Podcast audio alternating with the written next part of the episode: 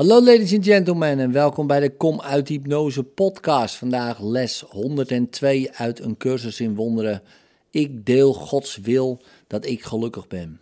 Jij wilt niet lijden. Je denkt misschien dat het jou iets oplevert en gelooft misschien nog steeds een beetje dat het je oplevert wat jij wenst. Toch is dit geloof nu zeker aan het wankelen gebracht. Genoeg tenminste om het in twijfel te trekken en te vermoeden dat het werkelijk geen hout snijdt. Het is vooralsnog niet verdwenen, maar mist de wortels die het ooit stevig verankerden in de donkere en geheime spelonken van jouw denkgeest. Vandaag proberen we zijn verzwakte greep nog verder los te maken en te beseffen dat pijn geen doel dient, geen oorzaak heeft en het vermogen mist ook maar iets tot stand te brengen. Je kunt er helemaal niets voor kopen. Ze biedt niets en bestaat niet.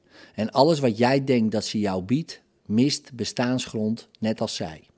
Je bent van niets een slaaf geweest. Wees vrij vandaag je te verenigen met de geluk schenkende wil van God. Enkele dagen lang zullen we onze oefenperiode blijven wijden aan oefeningen die bedoeld zijn jou te helpen het geluk te bereiken dat Gods wil in jou heeft gelegd. Hier is je thuis en hier is je veiligheid. Hier ligt je vrede en hier is geen angst. Hier ligt verlossing. Hier is eindelijk rust.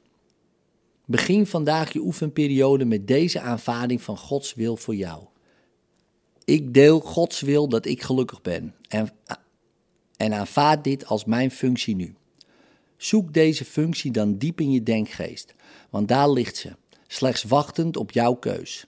Je zult haar zeker vinden wanneer je leert dat het jouw keuze is en dat jij Gods wil deelt. Wees gelukkig, want geluk is je enige functie hier. Je hoeft jegens Gods Zoon niet minder liefdevol te zijn dan Hij, wiens liefde hem even liefdevol geschapen heeft als Hij zelf. Pauzeer naast deze rustperiode van 5 minuten per uur vandaag regelmatig om jezelf te vertellen dat jij geluk nu als je enige functie hebt aanvaard. En wees er zeker van dat jij je aldoende verenigt met Gods wil. In liefde, tot morgen.